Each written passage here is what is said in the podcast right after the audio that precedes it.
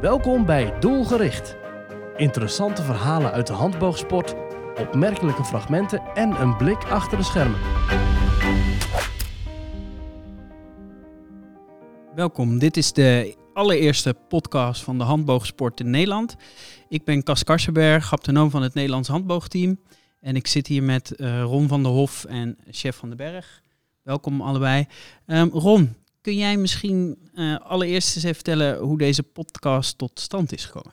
Ja, nou dat kan ik wel. Wij hebben ehm, de afgelopen maanden, eh, denk ik, geleerd hoe we op andere manieren met elkaar kunnen communiceren.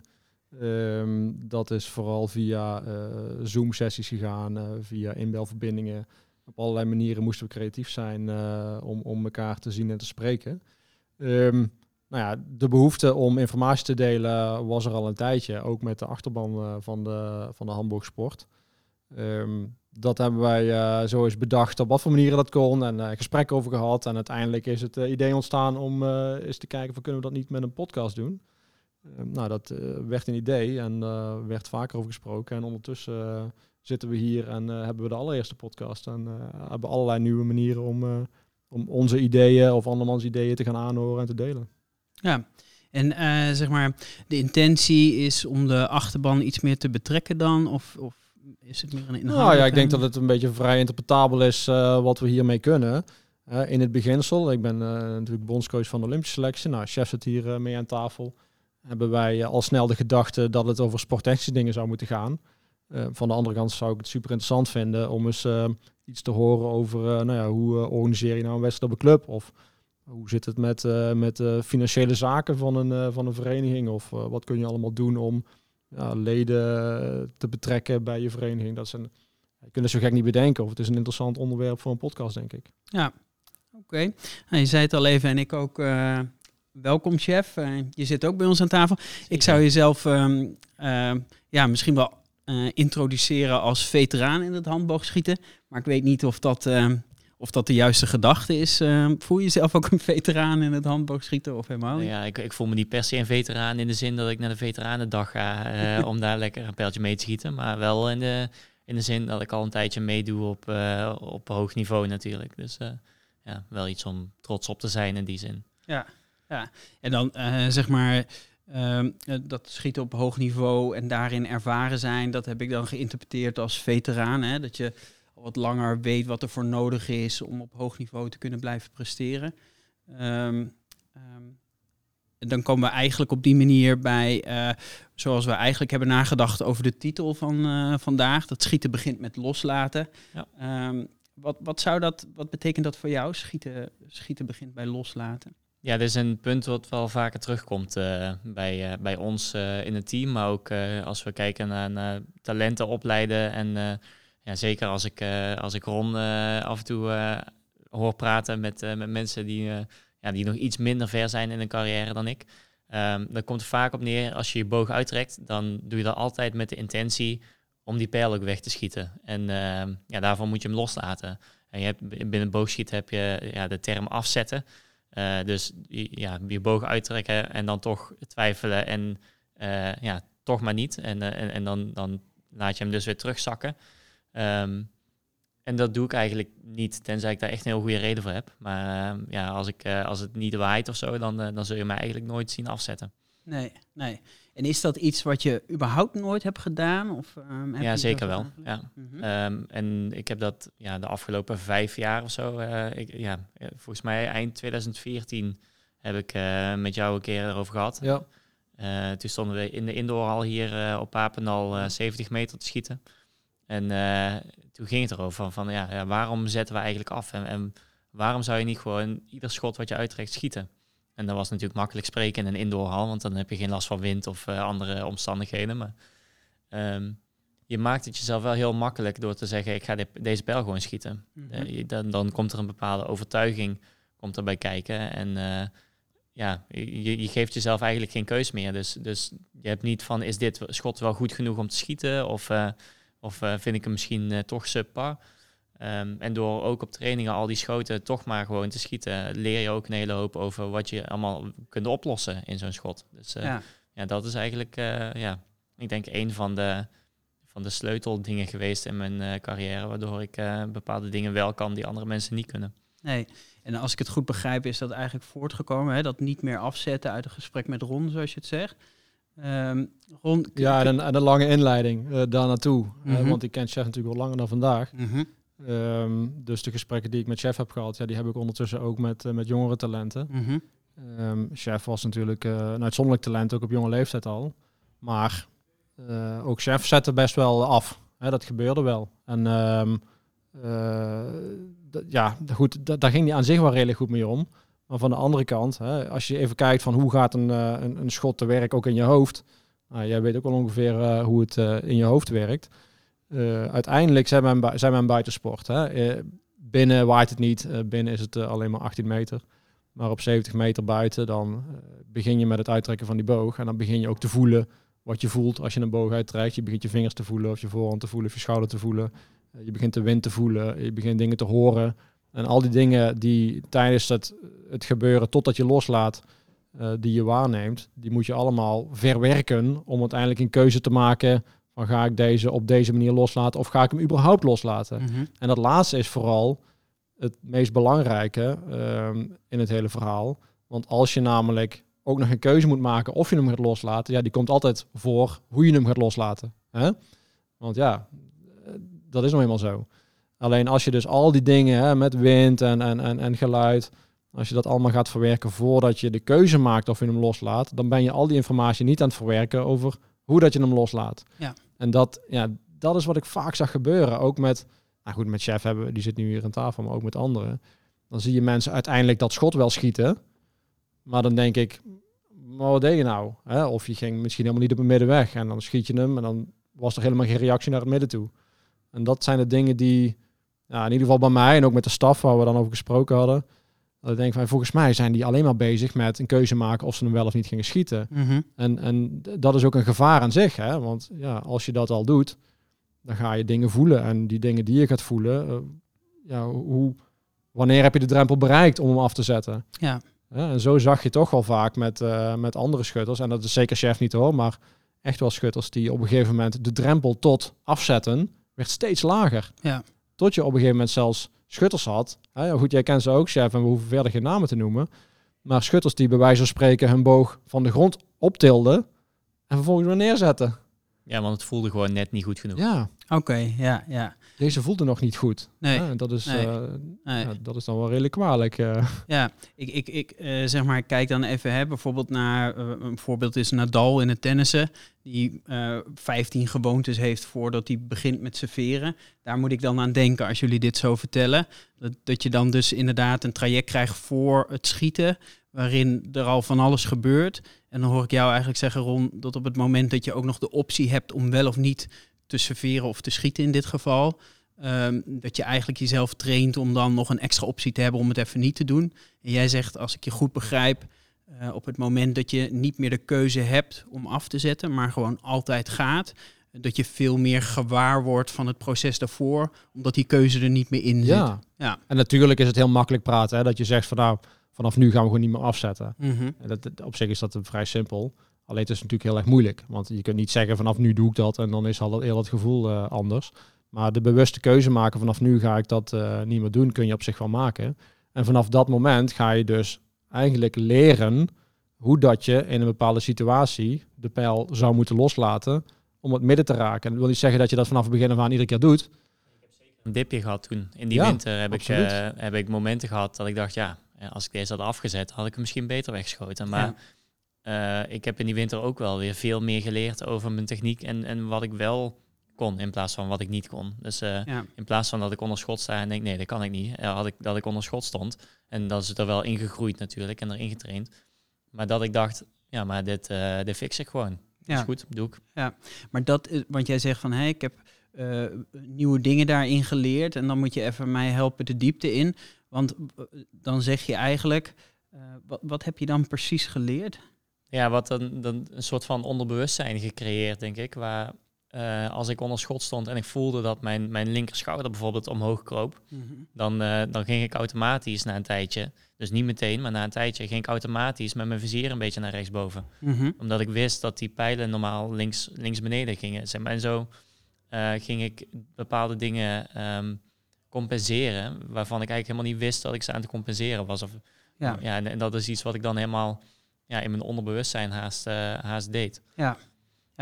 Dus dat is een proces waarin je telkens, eh, terwijl je bezig gaat met het loslaten, want daar ging het eigenlijk om, Ja. eh, dat je steeds meer aanvoelt in dat proces van gaan schieten. Eh, per moment voel je steeds maar aan van wat er dan gebeurt, maar ook in die beweging wat je kunt compenseren om uiteindelijk toch het schot daar te krijgen waar je het wil. En dan begrijp ik eigenlijk van jou, Ron, dat op het moment dat je ook nog de optie afzetten hebt, dat je minder bewust bent van het proces daarvoor. Heb ik je dan goed begrepen? Dus Ja, nou goed, kijk, er zal misschien iemand zijn die er veel meer verstand heeft van hersenen dan ik heb. Mhm. Uh, maar ik ben meer van de logica. En op het moment dat ik uh, iets aan het doen ben en ik moet uh, al die informatie gebruiken om uiteindelijk een keuze te maken om wel of niet los te laten, ja, dan ben je daarmee bezig. Dan is dat je, je afweging. Ja. En niet wat chef zegt van ik voel mijn schouder een beetje opkomen. Dus dan moet ik ehm, op een andere manier gerichten of misschien wel op een andere manier gaan lossen om hem in het midden te raken. Ja. Maar dan ben je meer bezig van oké, okay, is het al ver genoeg omhoog gekropen om misschien toch even af te gaan zetten. Ja. Ja. Uh, en, en, en dat is meer wat er gebeurt. En natuurlijk, kijk, als chef zegt mijn schouder kruipt omhoog, dan is het natuurlijk niet zo dat je niet uh, technische training kan doen om ervoor te zorgen dat dat opgelost wordt. Dat is natuurlijk ook, ja. dat kan ook. Mm -hmm. Alleen boogschieten is uiteindelijk, natuurlijk probeer je um, perfectie te benaderen, dat de schoten altijd hetzelfde zijn. Maar van de andere kant, ja, je hebt niet altijd die keus. Nee. Het, is, het, het is niet altijd perfect. Je voelt je niet altijd goed. En als je kijkt, zeker op het niveau waar, waar chef en, en de rest van de ploeg zit, uiteindelijk doen we mee voor de prijzen. En sta je op een gegeven moment op het podium en daar is het alternate, dan heb je te doen met die 20 seconden uh, waar je het mee moet doen.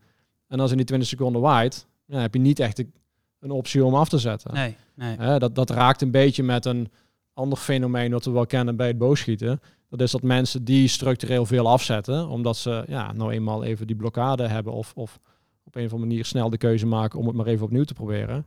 Dat vaak in finale rondes minder hebben. Ja, dat ken je ook wel, hè? Ja, en, en vaak ook uh, in die finale rondes waar ze dus geen keuze meer krijgen, dus die hebben maar 20 seconden, zie je vaak dat, dat er heel goed geschoten wordt door die bewuste personen. Dus Ja. dat is wel, Ja. eh, Ja. vind ik dan wel interessant. Om, En heb je dat zelf ook zo, eh, herken je dat in de tijd van dat je nog wel afzette en eh, daarna? Nee, want ik heb, bij mij was het afzetten nooit echt een, een mentale blokkade. Mhm. Uh, maar ik dacht meer dat het voor mij een soort van ja, stap in, de, in, in ja, hoe zeg je dat, de, de, de, de treden naar de volgende niveau van mijn carrière was. Om, om te zeggen van ja. ik ga nou ga ik gewoon, ik ga er gewoon vol voor, zeg maar. Het is eh, Ja. een beetje alles, alles of niks. Ja. Eh, en het, dus het was meer een soort mentale commitment dan, eh, dan wat anders. Maar ik heb nooit echt eh, eh, moeite gehad met eh, dat ik te veel afzette of zo. Ja, dus als ik jou goed begrijp, is dat gesprek met Ron en uiteindelijk de keuze om niet af te zetten.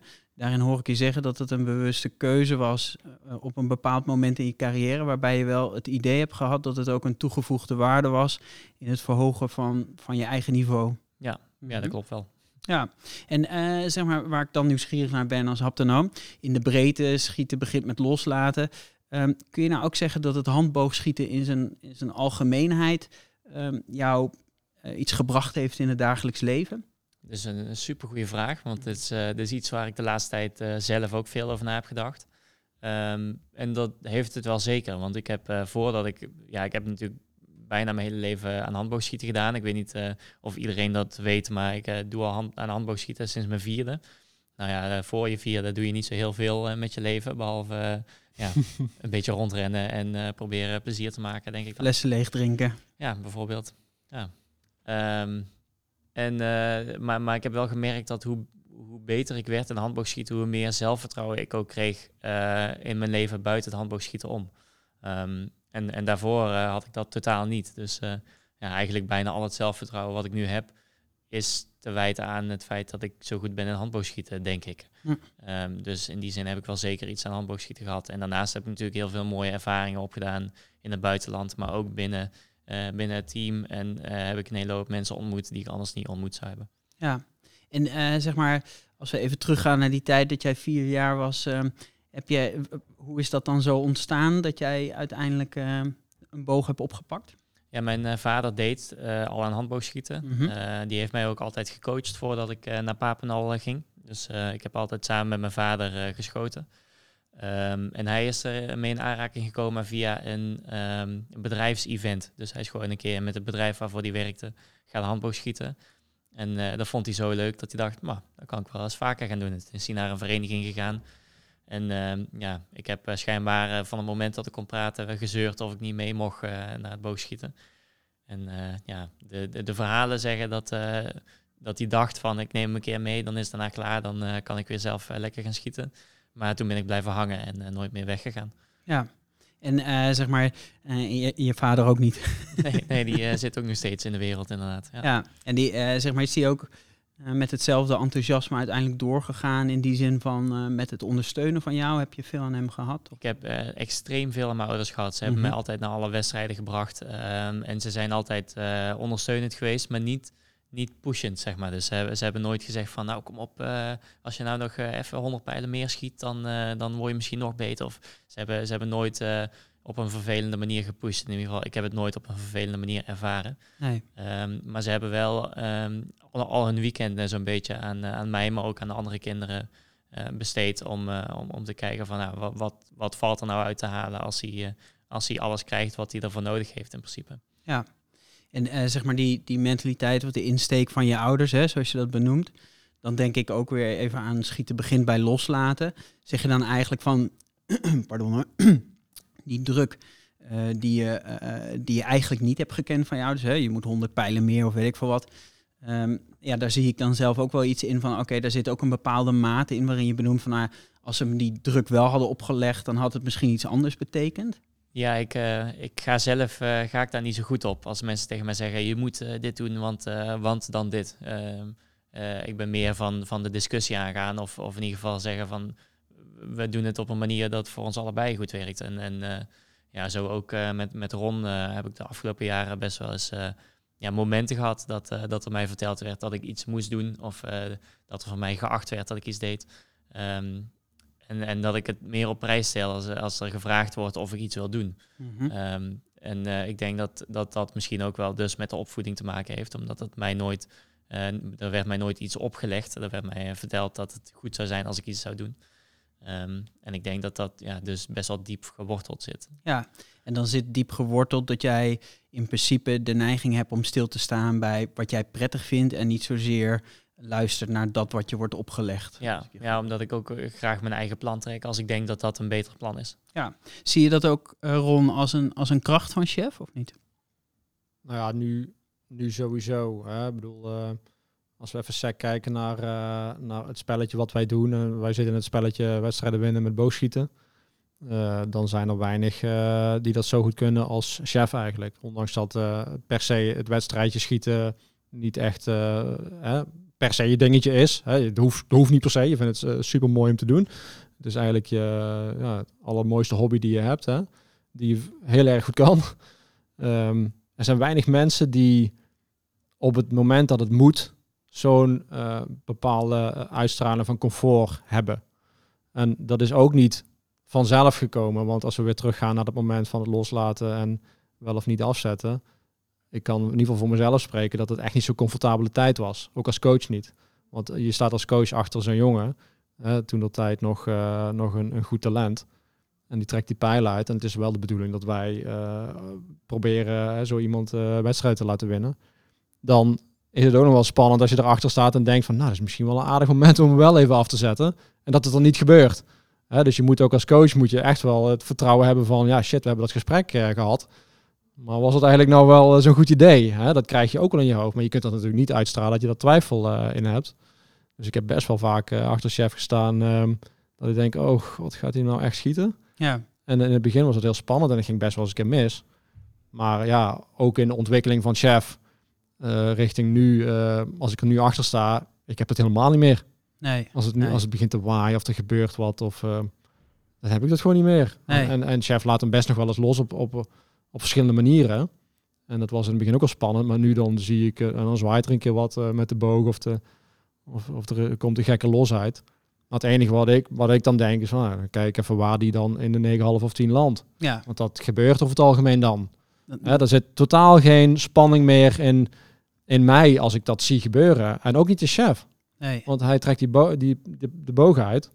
En je ziet gewoon uh, dat dat straalt comfort uit. En dat is heel mooi om te zien. Um, sporttechnisch, binnen de, de context. Maar ook als persoon zelf, om, om ja, de rust te hebben om dat te kunnen doen. Ja. En dat is wel, uh, dat is ook ontstaan. Want ik, we kennen chef ook als driftkikker. Mm -hmm. Als, als jong talent. En uh, er werd nog wel eens met, met materiaal ge, geslagen of een keer op de grond gestampt. En, en laten we eerlijk zijn, ik denk dat chef de, de eerste is die echt een bloedhekel heeft aan, sporters die dat doen. Ja, nu. dat klopt. Ook omdat ik uh, natuurlijk zelf heb ervaren hoe dat is en uh, toch wel een soort van medelijden voel ook. Um, dus als ik zie dat iemand zo, zo is of zo doet, uh, dat ik denk van, wow, ja, doe het alsjeblieft niet, want ik, ik, weet dat je er niks aan hebt uiteindelijk. Ja. ook al zeg je nog zo hard tegen jezelf van, ja, maar als ik, als ik zeg maar even goed boos word, dan, dan schiet ik daarna weer beter ja, dat, ja, dat klopt gewoon over het algemeen niet. Tenminste, nee. uh, misschien klopt dat wel op dat moment. Alleen uh, het feit dat je zo boos kunt worden om, om een slechte pijl, uh, betekent volgens mij dat je gewoon niet zo heel goed bent in relativeren. Net als dat ik dat toen niet was. Um, en ben ik wel nieuwsgierig naar. Wat zou jij als de chef die je nu bent, zomaar zeggen, de, de, de, de volwassen veteraan, wat, wat zou je nou tegen dat kleine, kleine jongetje chef uh, dan zeggen, waardoor, wat zou je nou tegen hem zeggen? Dat is heel lastig. Ik heb daar mm -hmm. wel eens uh, over nagedacht en ook geprobeerd hè, aan mensen die, uh, die hetzelfde deden als dat ik deed. Um, en dan zeg je van ja, luister maar naar mij, want ik heb dit allemaal meegemaakt mm -hmm. en, en ik, ik weet dat het niet werkt en zo. En dan denk je terug aan, en toen ik zelf zo was, uh, zeg maar 14, 15 jaar, uh, misschien nog wel 16 ook. Um, en toen kwamen er ook mensen naar mij toe die precies dat zeiden. En toen dacht ik, ja, uh, flikker op, zeg maar. ik maak het zelf wel uit en ik los het zelf wel op. Alleen, ja, dus je zit dan in dezelfde situatie, alleen sta je aan de andere kant van het spectrum. Mm -hmm. um, en ik kan me ook weer heel goed indenken dat je dan denkt van, ja, dat kan best dat jij dat hebt meegemaakt, maar voor mij is het anders. Want, want ik dacht dat toen ook. Ja, maar uh, kun jij je nog herinneren wat het keerpunt was, wanneer je het kon laten, het, het uh, driftkikker zijn? Dat is eigenlijk gekomen toen ik uh, heb leren mediteren. Oké. Okay. Mm -hmm. dus, toen ik ben begonnen met mediteren, zelfs met mediteren in het begin had ik heel erg, als ik dan mijn, mijn focus verloor of zoiets, dan kon ik daar heel boos om worden. Dan, dan zat ik mezelf op te vreten omdat het niet lukte.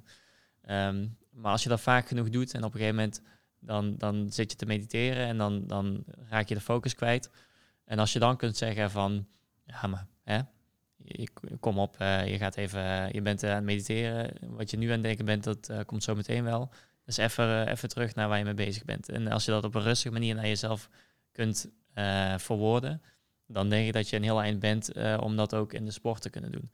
En dat is bij mij, ja, dat is ook een proces geweest. Dat is niet van de een op de andere dag gebeurd. Nee, dus, dus en als ik het dan goed begrijp, hè, want met driftkikker zijn, dan zou ik denken van oké, okay, dat, dat is een emotie. En mediteren, dan denk ik aan uh, herkennen dat je gedachten hebt. Maar als ik je dan goed begrijp, is het dus eigenlijk zo dat jij bent begonnen met mediteren. En dat dat mediteren je heeft geholpen om die gedachten te herkennen waar je dan boos van werd, zoiets? Ja, ja, en, en om te leren relativeren dus. Van, van hoe erg is het nou als ik mijn focus verlies tijdens mediteren, als de intentie maar goed is. Ja, dus je, uh, tijdens het mediteren herkende je dat je ook dat bozige kon hebben, uh, wat je eigenlijk ook terugzag bij, bij het schieten. Ja, alleen had ik dan geen pijl om kapot te slaan in mijn hand. Nee, nee. Oké. Okay. Uh, Ron, herken je dat? zeg maar dat meditatie een meerwaarde in die zin kan zijn voor, voor het boogschieten? Ja, nou ja, absoluut. Uh, laat zo zeggen, ik ben echt overtuigd dat dat uh, een goede manier is om proactief te werken aan het verbeteren van, je, van jezelf als mens. Sowieso. Ja. Ik denk dat het sowieso goed is om, uh, om te doen. maar in de handboogsport sowieso is, is het een hele goede tool om er gewoon bij te doen. Hè. Ik kom zelf uit, ook uit een verleden van de handboogsport. Ik ben zelf ook actief geweest als sporter. En in, als ik even mag spreken van mijn tijd, ik bedoel, ik zit wat dichter bij de veteranenleeftijd als chef. Um, toen was het nog vaak van, god, op het moment dat je een soort van mentale uitdaging had, ging je naar de mentale dokter, uh, sportpsycholoog, en dan had je het over dat specifieke probleem. Dan deed je daar oefeningetjes voor en dat was het dan. Uh, dat klinkt even heel banaal, maar bedoel, dat is even generaliserend. En ik denk dat we nu in een tijd zitten dat het mentaal trainen van jezelf gewoon een structureel onderdeel is geworden of kan, uh, kan worden van een, van een training. Dat is, dat is helemaal niks geks meer aan. Um, en ook heel logisch om te doen. En Ja, doen we dan hele specifieke eh, meditatietrainingen? Nee. Eh, de een vindt het prettig om met een bepaald appje dat te doen. En de ander vindt het prettig om gewoon eh, in stilte wat te doen. Misschien iets voor een andere podcast zijn we een keer Zuid-Afrika geweest. Daar was chef dan zelf niet bij, maar daar deden we wandelingen door, door niks eigenlijk, want dat was off the grid. Dat, dat kan hartstikke goed werken om, ehm, ja, om in een soort van staat te komen waarin je allerlei gedachten en plek kan geven. En, nou ja, we zitten nog eenmaal in de denksport eigenlijk. Hè? Dus het, het meest fysieke deel wat we doen is in de trainingen. We schieten hartstikke veel pijlen om, eh, om de schietconditie te hebben. We doen hartstikke veel krachttraining om, eh, om sterk te worden. Maar uiteindelijk, als je in een wedstrijd zit, dan is het fysieke deel ja, nog een heel. Zoveel moeite kost het niet meer om, eh, om die boog uit te trekken. En is het, het het deel wat je denkt tijdens het schot, het, het uittrekken van de boog, heeft bijna meer invloed, denk ik, op, op het resultaat dan, eh, dan het fysieke deel zelf. Ja, ik bedoel, Denk- Denken jullie dat, eh, zeg maar dat het handboogschieten aan zich ehm, eh, ook een specifiek mens trekt, om het zo maar te zeggen? Herkennen jullie een bepaald type mens wat, wat, wat gaat boogschieten? Ja, ik, ik werk ook in een, in een handboogwinkel. Eh, en dus ik zie een hele hoop mensen die voor de eerste keer een boog vast hebben. Ehm, en het grootste deel van de mensen is al een soort van, eh, ja, hoe zeg je dat? Een, een Einzelganger, zeg maar. Dus de meeste mensen zijn een beetje op zichzelf en een beetje terughoudend.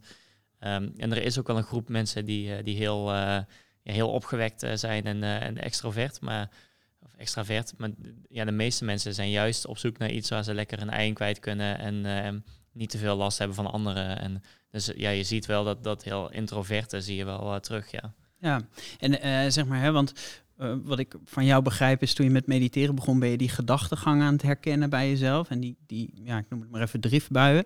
Ehm, hè, en ja, je ziet eh, eh, zeker deze dagen dat yoga, meditatie, dat soort dingen wordt, wordt steeds populairder. Eh, kun je de, hand, de, handboogsport ook als zodanig zien?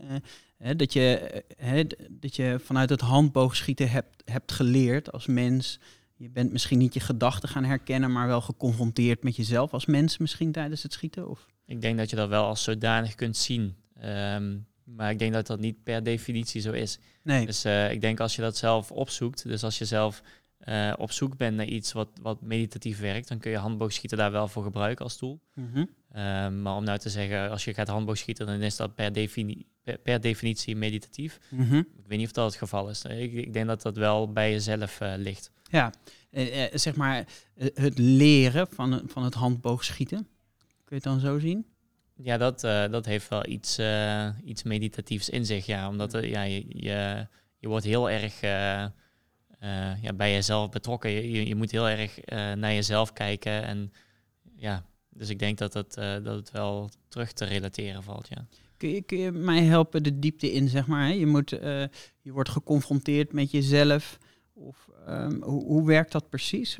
Dat je, bedoel je dan te zeggen van, oké, als ik schiet, heb ik directe feedback. Hè? Er komt een 10 uit of een 8. Of, eh, dus je krijgt eigenlijk directe feedback of je er met je hoofd en je lijf bij was of niet. ja, Eh, dat is de eerste stap, denk ik. Ehm, als je begint met boogschieten ehm, en, en, en je schiet een paar pijlen, die zitten nooit allemaal precies in het midden. Maar hoe, komen, hoe komt het nou dat die pijlen niet precies in het midden zitten? Nou, dan moet je dus ja, terugkeren naar jezelf en, en na gaan denken van wat heb ik nou gedaan?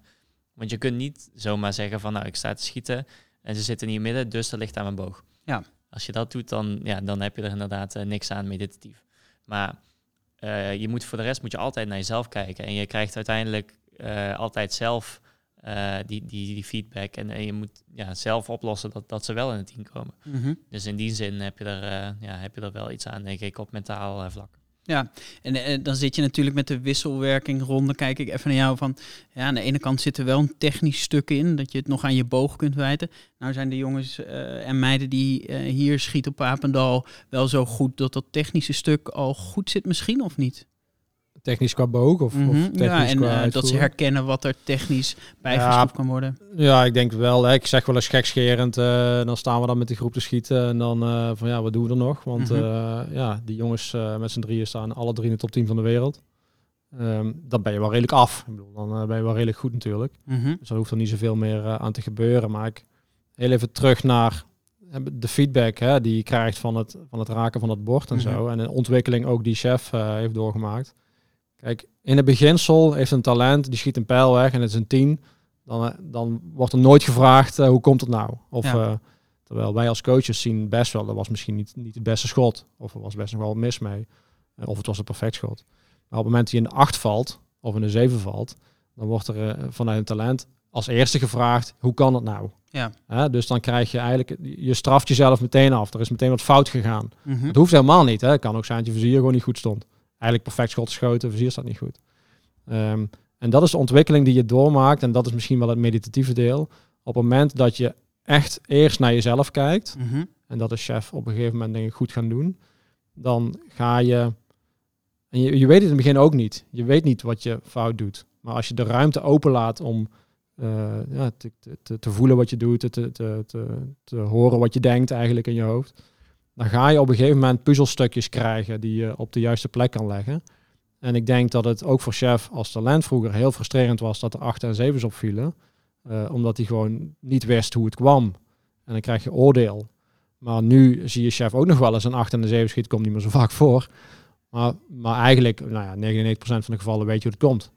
En dat geeft ook rust. Mhm. Als je op een gegeven moment weet hoe het komt, ook al, ook al maak je een fout, eh, maar dan is het, eh, het trefferbeeld, hè, zoals we dat dan noemen, je, je raakt het bord, is logisch. En op het moment dat dat logisch is, dan heb je dat hele mentale traject ook doorgemaakt. Ja. En dan, zijn, dan kun je ook gaan genieten van eh, het schot zelf en de beweging. En dan raak je even goed nog dat bord, heb je even nog die directe feedback. Ehm, maar hij is eerlijk, hij klopt. Ja. En dan is, dat, dan is het oordeel ook ehm, verder weg. Ja. Hè, ik, ik, ik moet meteen denken aan, we stonden een keer in, in Salt Lake op een World Cup. Dan schot je een lage 2, klopt dat? In vier volgens een mij. vier, Maar, maar, in ieder geval... in ieder ja, geval een schot wat je niet eh ja. wilt op een wereldbeker. En dat gebeurde. En ik, ja, ik weet niet meer precies eh, hoe het gebeurde of wat dan ook. Maar voor jou was het een logisch schot. En, en dat is eh, eigenlijk jammer dat we daar geen opnames van hebben voor andere talenten te laten zien.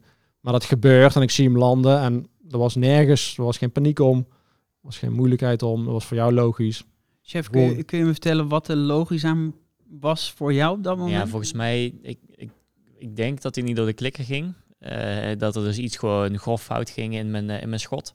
Ehm, en ehm, dat hij dus, ja, eh, waarschijnlijk loste ik hem nog slecht. En, en, en vliegt die pijl eh, dwars door de lucht en valt in de vier of twee. Wat ja, de techni- technische gegevens weet ik dan niet meer. Maar, ehm, maar als ik zo'n schot los, dan mag ik ook niet verwachten dat hij in het midden zit. Dus dan kan ik heel boos worden om dat schot. Maar dat helpt mij dan niet voor het volgende schot. Nee. Terwijl als ik dan zeg van oké, dat was niet zo handig, maar ik eh, heb nog drie schoten deze serie, dus ik ga proberen om dan nog in ieder geval uit te halen wat er nog in zit. Ja. En dat is iets wat, ja, dat is niet vanzelfsprekend bij mij, eh, die, die gedachte. Daar heb ik echt wel moeten leren. En, eh, want dan, als ik je goed begrijp, hè, dan kun je dus tegen jezelf zeggen, als je teruggaat naar dat moment, ehm, eh, kun je dus tegen jezelf zeggen van oké, dat was niet zo handig of dit, dit gebeurt, maar er zit een logica achter. Kun je ook delen, kun je nog herinneren wat er gevoelsmatig dan gebeurt? Ehm, ja, ten eerste teleurstelling. Mhm. Dus, eh, dus, dus ja, hij gaat, eh, hij glipt van mijn vingers, want, zoiets was het. Mhm. Ehm, en ik zie die pijl gaan en ik denk, dat wordt geen goeie. Ja. En dan krijg ik ten eerste een soort van golfje teleurstelling. Ja. Van, hè, shit, dat moet, moet mij net weer gebeuren op een wereldbeker. Ehm, maar al heel snel daarna eh, denk ik ook van, nou, het is maar een kwalificatieronde. Daar hangt in principe niks van af, behalve dan de ranking, maar die is niet zo super relevant. Mhm. Ehm, dus, eh, en ik heb nog, eh, ik heb nog een, zeg maar een halve serie te gaan. Dus ik, ik moet nog even. Ehm, en dan is het veel waardevoller voor mij om te zeggen, nou dan, dan door.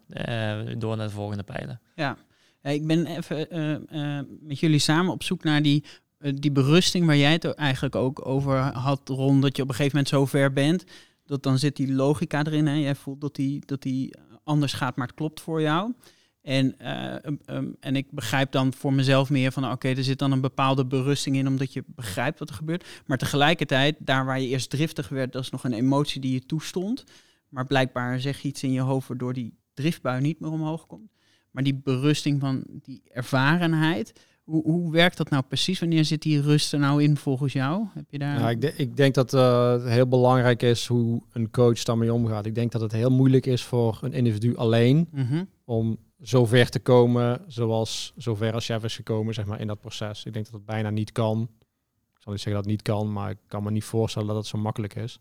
Denk dat het belangrijk is als coach of, of trainer die daarachter zo'n sporter staat, dat hij ook geen waardeoordeel geeft over wat er gebeurt daarachter. Hè, daarachter noem ik even 70 meter doelpak. En je ziet vaak, dan ben ik op wedstrijden en dan kijk ik, ik kijk natuurlijk, ja, omdat ik zelf coach ben, ook vaak naar de trainers en de coaches hoe ze dat doen. En dan zie je sporters afzetten en afzetten en afzetten. En dan wordt er geschoten, uiteindelijk toch nog in de laatste paar seconden. En het eerste wat roepen als hij goed valt is goed zo. En dat is fijn dat hij in de tien viel. En het is leuk dat er goed zo was gezegd. Maar eigenlijk conditioneer je daarmee ook gedrag. Want alles wat daarvoor gebeurde, vond men dan ook goed. Mhm. Of, uh, en maakt een schutter een keer een fout. Zou een jong talent een keer de pijl loslaten, niet door de klikker en hij valt ernaast. Zie je ook vaak, oh nee toch. Of oh wat jammer. Of oh. En ja, natuurlijk is dat zo. Het is natuurlijk jammer dat hij in het gras zit. Van de andere kant, je kunt hem ophalen en het blijft dezelfde pijl. Je hebt niks verloren. Maar ik denk dat het belangrijk is dat, uh, dat trainers en coaches van zeker jonge talenten daar op zijn minst in de uitstraling een non-issue voor maken. Ja, dus jij zegt eigenlijk door als coach zijnde zelf geen oordeel daarop te zetten of daar niet over te oordelen, dat je eigenlijk je pupil, om het maar even zo te noemen, ook traint om ja. dat eruit te laten als je aan het schieten bent. Als ik even ja. in mag springen. Uh, ik heb uh, de, de eerste, nou ik zou zeggen tien jaar van mijn, uh, van mijn schietcarrière, als ik het zo al mag noemen, uh, van het begin. Gewoon samen met mijn vader geschoten. En dan gingen we gewoon naar de club en dan gingen we een beetje schieten. En, en op een gegeven moment kwam ik op een niveau waar, je, waar het wel fijn was als er iemand gewoon echt achter stond en keek wat er nou precies fout ging. Um, dus dan gingen wij gewoon, dan gingen we de hele avond ja, in schijnel op het veld staan schieten. Um, en dan was het heel normaal voor, voor, voor mijn vader om te vragen. Er was in de tijd dat we ja, als het ware zelf het wiel nog moesten uitvinden. Want uh, hij had geen trainerscursus gedaan nog en ik uh, wist eigenlijk ook niet beter. Uh, als ik dan een acht schoot, dan vroeg hij inderdaad, ja, hoe kan dat nou?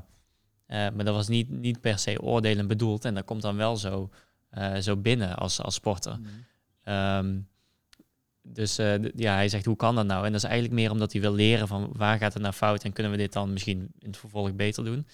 Maar als pupil denk je van, hey shit, ik heb iets fout gedaan en ik krijg dadelijk op mijn flikken, als het ware. Ja.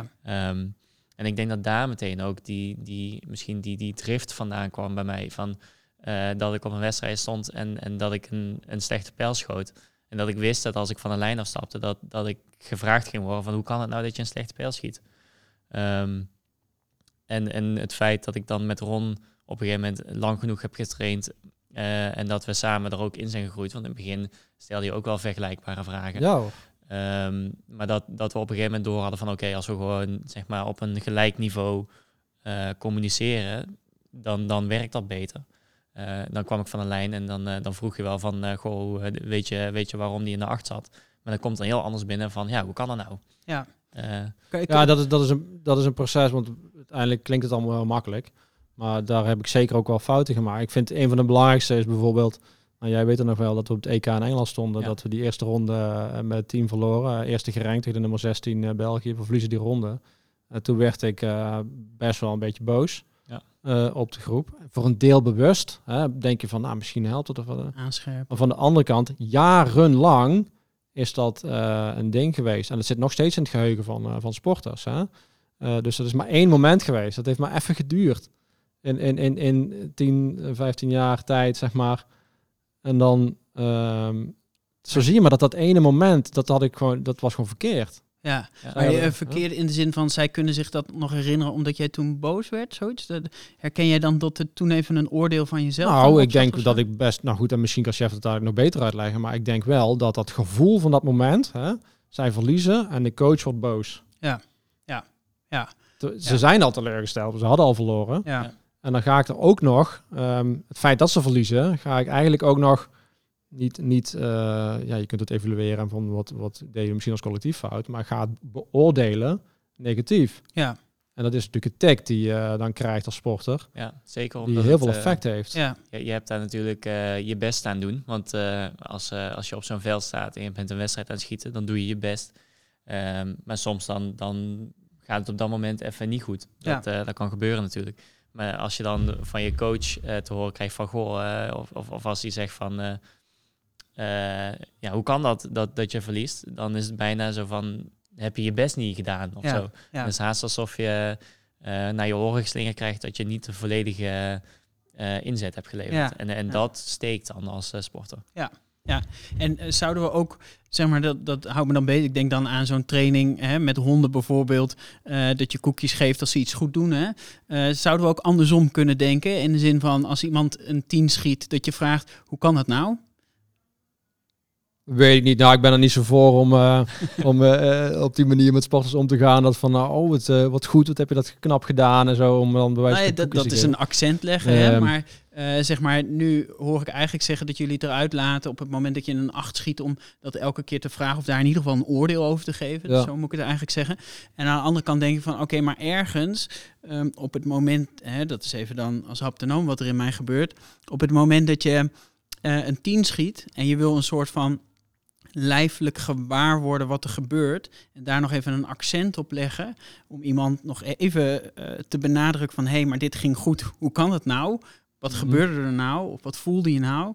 Eh, zodat je telkens weer een accent legt op, ik noem het maar even een gevoelsherinnering of een gevoelservaring. En dat steeds meer beklijft bij iemand. Nou ja, ik, ik, het eerste wat in mij opkomt nu is dat ik... Ik ken natuurlijk de sporters die bij mij zitten ontzettend Ja. goed. Maar ik eh, heb heel vaak dat ik al zeg... Kijk, dat is goed. En dan is die pijl nog onderweg. En dan Ja. zit hij ook goed. Ja. Want je ziet gewoon... eh, Dat een goed schot zie je. Ja. En het resultaat is dat hij in het midden zit. Ja. Hè, dat is het fijne aan, aan boogschieten. Natuurlijk kan er wat gebeuren met zo allemaal. Maar wij proberen wel, eh, denk ik, actief te focussen op, eh, op als het goed is. Ja. Dat, dat je in ieder geval de feedback geeft van, eigenlijk dat was een goed schot. Ja. Niet per se al met in de 10 zit, hè? Nee, Dus ehm, wel op het moment dat ik denk, als wij echt hard op de wedstrijd staan, dan focussen wij wel, eh, als je in de 10 valt, dan is dat wel, proberen we wel energie erin te pushen. ja. Eh, ook omdat het natuurlijk invloed heeft op, eh, op de hele energie en ook op de tegenstander Ja, en zo. Zeker Ja. als, je, als je lekker zeg maar, in een soort van flow zit of, eh, of als je gewoon veel tien aan het schieten bent, Ja. eh, dan is het eh relaxed als je coach alleen maar zegt ja. Ja. En dan weet je van, oh, dat, Ja. dan wordt er dus vanuit gegaan dat je een 10 schiet. En dan, ja, dan, dan is dat dus zeg maar een beetje de standaard. Zo van je schiet een 10. ja, En, en anders dan eh, gewoon zonder oordeel. Ja, 9, 9,5 links. Gewoon eh, ja, zeg maar zonder dat je Ja. zegt, huh, huh, 9. Of, eh, of dat, je, dat je zegt, nou, eh, dat is een 9. De- ja. maar gewoon, eh, Ja, dus gewoon- eigenlijk- gewoon objectief. ja de, de onderstroom van gevoelens moet eruit blijven, om het maar zo te zeggen. Ja, als het ware, ja. ja. Ja. En En behalve als je een 10 schiet, is het wel lekker om een, een opgewekte, ja, lekker. Of Ja. Ja, Andersom ook, hè, want ik, ik, wij kunnen ook heel goed zien als een schot eigenlijk niet goed was. Ja. Soms valt hij dan spontaan toch nog wel in de 10. ja, Dat proberen we dan ook wel even van, eh, zo nou, dat valt hem mee zeg. ja. Zit in de Ja. 10. Hè, dan is het ook wel lekker. Dat- dat- Ja. Dan maakt hij eigenlijk een fout en dan eh, zit hij toch goed. Dus aan die kant, aan de positieve kant, proberen we dat wel, wel te voeden, ja. Ja, en wat me nog bezighoudt, hè, want je zei net van, ehm, ja, wij zien eigenlijk bijna direct wel of een schot goed is of niet.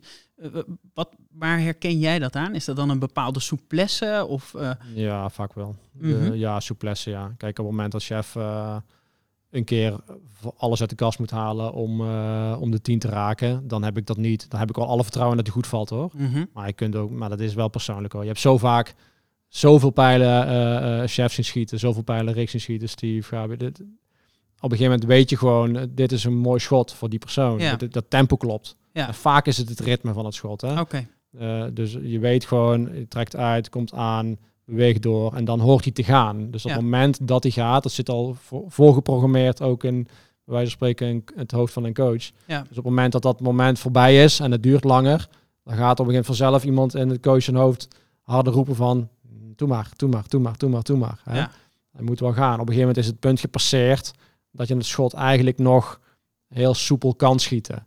En dan heb je, nou ja, dan heb je toevallig iemand als chef, die kan het oplossen. Dat is prima. Ja. Maar we hebben er ook bij, die kunnen het dan eigenlijk niet meer oplossen. En dan verwacht je een fout en die komt vaak ook. Ja. Maar Ja. dat is niet erg, weet je wel. Dat, je kunt dan wel zeggen van, ah, ja, je kunt er wel meteen op oordelen, maar dat is niet erg. Je, je voelt hem al aankomen. Maar de kans van die persoon is, als je hem toch loslaat, mhm, om te leren. Hè? Ja. En als dat schot altijd links in de acht valt, dan gaat hij wel leren dat als dat moment daar is, dat hij hem dan rechts in de acht moet richten. En natuurlijk moet je hem eigenlijk vlotter schieten. Maar als we dadelijk op de Olympische finale staan, is het handiger om rechts in de acht te richten als het lang duurt. Sterker Ja. nog, ik denk dat je dat niet eens bewust leert, maar dat je gewoon als je het heel vaak doet, dat het op een gegeven moment gewoon onderdeel wordt van je, van je hele schieten. Ja, Ja. En, en dat is wat je, ja, waar we het in het begin over hadden. Van als je gewoon zegt van ik ga deze schieten. Als je genoeg fouten maakt in training, dan weet je uiteindelijk op de wedstrijd wat je ermee moet. Ja. Dat is Ja. een beetje hoe het bij mij erin zit. En eh, zeg maar, want ehm, je hebt natuurlijk ook, eh, hè, Ron, een heleboel talenten misschien wel hier gehad die talent hadden, heel dichtbij zijn gekomen en was het net niet, zeg maar, of het is Mhm. misschien net niet gelukt. Ehm, zit dat onderscheid hem dan juist in dat zelfreflectieve lerende vermogen? Of, ehm, of zou ik dat zo niet kunnen zeggen? Nou ja, misschien ergens wel. Ehm, je hebt ook heel vaak schutters die op zich heel mooi kunnen schieten. Heel netjes, goede techniek. En toch hebben ze nooit die hele kleine groep. En waar we vaak naar kijken, dat is toch ja, de voorhand. Hè, van we richten op het midden en dat, dat die reactie die er komt, zo van ja, die, die reactie die vanzelf komt. En in het begin is dat vaak nog niet helemaal de goede, maar die is er wel Mhm. kleine reactie die je nodig hebt. Het gevoel van het midden, het gevoel van waar zit ik en waar richt ik. Dat is misschien nog wel eens waardevoller dan hoe mooi het schot eigenlijk is. Ja, Eh, het gevoel voor het midden is wel heel erg belangrijk in boogschieten. Ja, ja. Dus eh, eh, kan ik het dan zo vergelijken, zeg maar, net als met, bij wijze van spreken, nou, oké, daar gaan we dan, de Voice van Holland. Je hebt iemand die technisch heel goed kan zingen, maar er zit geen ziel in. Kun je dat dan zo ook met het schieten zien? Ja. Zo had ik hem zelf nog nooit gedaan, maar Ik vind hem hij vat een hem wel goed samen. ja. Ja. Is een En, beetje, ehm, eh, ja, ze noemen het, in het Engels noemen ze het ook wel de touch, zeg maar, Mhm. de, de connection. Dus eh, ja, een, een schutter die kan heel technisch goed schieten. Eh, maar er zijn ook schutters en die, ja, daar schaar ik mezelf dan eh, even onder voor het gemak. Ehm, wanneer de pijl, eh, zeg maar de pace van de vingers afglijdt, eh, dan voel je bepaalde dingen waar je meteen op reageert, waardoor die pijl op, eh, in het midden komt. En eh, ja, daar zit een bepaalde mate zit daarin. En eh, ik denk dat je bij mensen die echt veel talent hebben, eh, zie je dat gewoon meer. Eh, en dat zijn echt niet per se de, de mooiste schutters om te zien. Mhm. Maar je ziet dan wel, eh, zeg maar, dingen die logisch zijn in het schieten. Ja, Maar dat is heel lastig om uit te leggen aan iemand die... En je ziet het op jonge leeftijd al.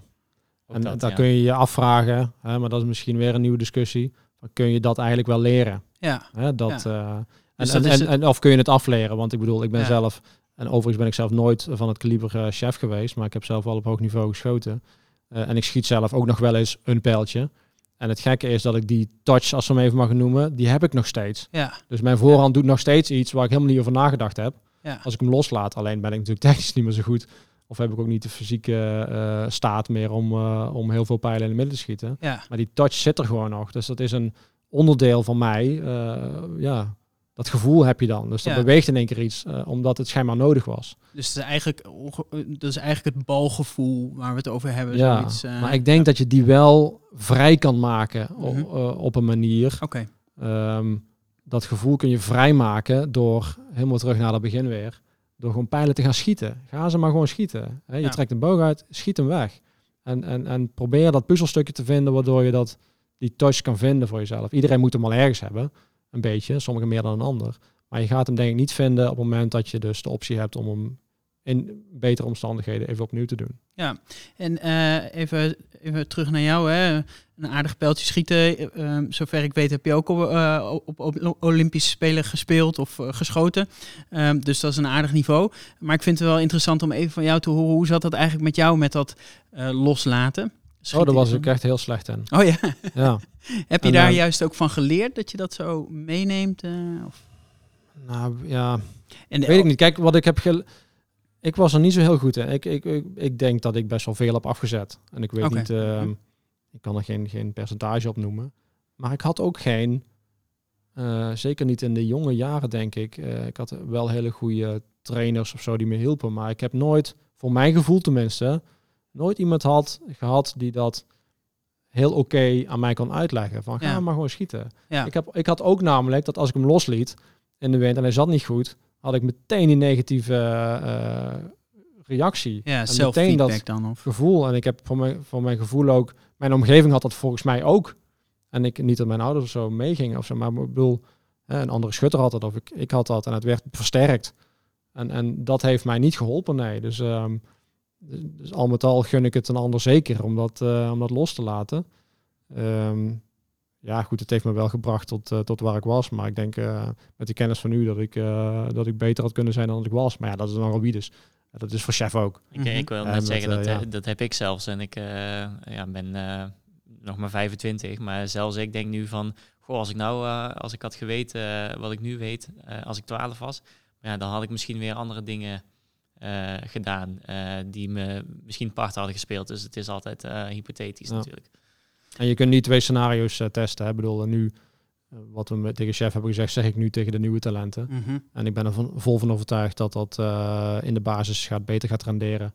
Maar uiteindelijk kunnen we maar eens één scenario doen en we kunnen niet twee keer een leven leven. En ehm, is het zoals het is. Ja, ja. Oké, ehm, misschien is het nog wel eh, mooi om even stil te staan bij eh, schieten begint bij loslaten. Is er nog iets wat, ehm, wat we voor, ja, laat ik zeggen thuisfront, maar in ieder geval ehm, eh, kunnen meegeven? Of eh, hebben we alles gezegd? Dat zou ook kunnen. Ja, Ik denk dat de strekking wel duidelijk is. Mhm. Ehm, maar ik zou vooral zeggen, stel nou, eh, je, je herkent jezelf heel erg in eh, het verhaal van de, van de jonge chef. En je, je vreet jezelf iedere training en iedere wedstrijd op. Probeer dat dan in ieder geval minder te doen. En probeer gewoon te genieten van, van het feit dat je lekker staat te schieten.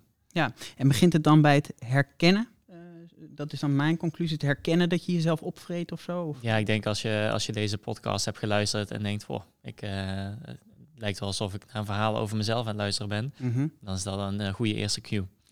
Oké. Nou, ik, ik kijk er als coach naar. En ik hoop dat er heel veel coaches en trainers luisteren. En ik denk van laat, probeer er iets mee te doen. En, en, en help je sporter, help je schutters. Om gewoon ook echt los te laten. eh, dat ze die pijl eh, kunnen schieten zonder oordeel.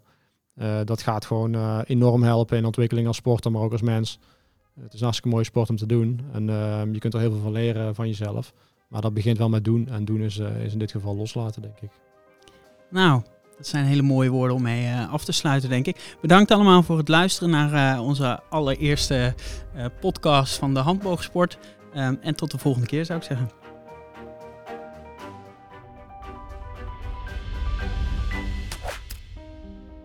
Tot zover deze aflevering van Doelgericht. Vergeet je niet te abonneren en graag tot de volgende keer.